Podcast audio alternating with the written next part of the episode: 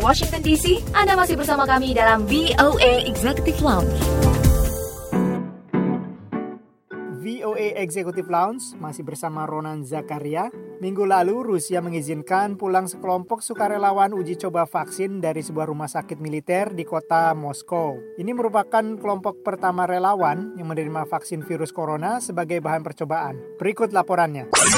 Vaksin tersebut dikembangkan oleh Pusat Penelitian Epidemiologi dan Mikrobiologi Nasional Gamalai di Rusia dan merupakan salah satu dari beberapa yang kini sedang dikembangkan di Rusia saat dunia tengah berlomba untuk berusaha mendapatkan vaksin virus corona secepatnya. Vaksin yang diberi nama GAM COVID Vac ini dibentuk berdasarkan sebuah virus flu yang dikenal sebagai adenovirus, sebagai pembawa gen protein virus corona untuk dijadikan batu loncatan ke dalam tubuh. Berikut adalah Svetlana Volchikina, seorang periset kedokteran dan kepala bagian pengobatan penyakit dalam.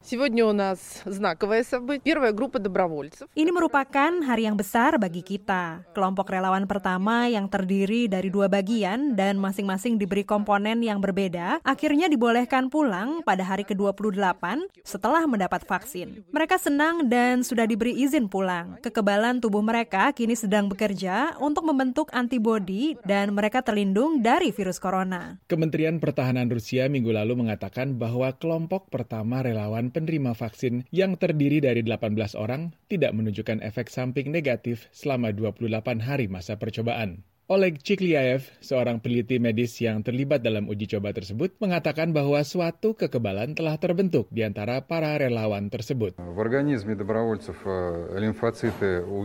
Limfosit para relawan mendeteksi asam ribonukleat virus COVID-19, sehingga terjadi pengembangan limfosit pada kelenjar getah bening para relawan tersebut yang kemudian membentuk antibodi terhadap virus. Singkat kata, sebuah sistem kekebalan telah terbentuk. Sampel darah dari para relawan akan dikirim untuk penelitian lebih lanjut di Pusat Penelitian Gamalai. 18 orang relawan tersebut dibolehkan pulang minggu lalu dari Rumah Sakit Militer Utama Budenko. Mereka diberi dua tipe vaksin dan akan mendapat pemeriksaan terakhir di rumah sakit tersebut. Pengujian klinis vaksin tersebut diperkirakan akan berlangsung sepanjang bulan Agustus dengan produksi massal obat tersebut dimulai paling cepat bulan September. Demikian yang dikatakan oleh Menteri Kesehatan Rusia Tatiana Golikova dalam jumpa pers minggu lalu. Demikian laporan tim VOA.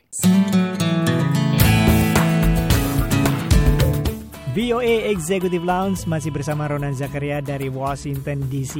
Kini sudah waktunya kita pamit. Jangan lupa simak VOA Executive Lounge melalui website kami di www.voaindonesia.com. Juga follow kami di Twitter dan Instagram at VOA Indonesia. Sampai ketemu lagi. Sukses with you all the way. Bye.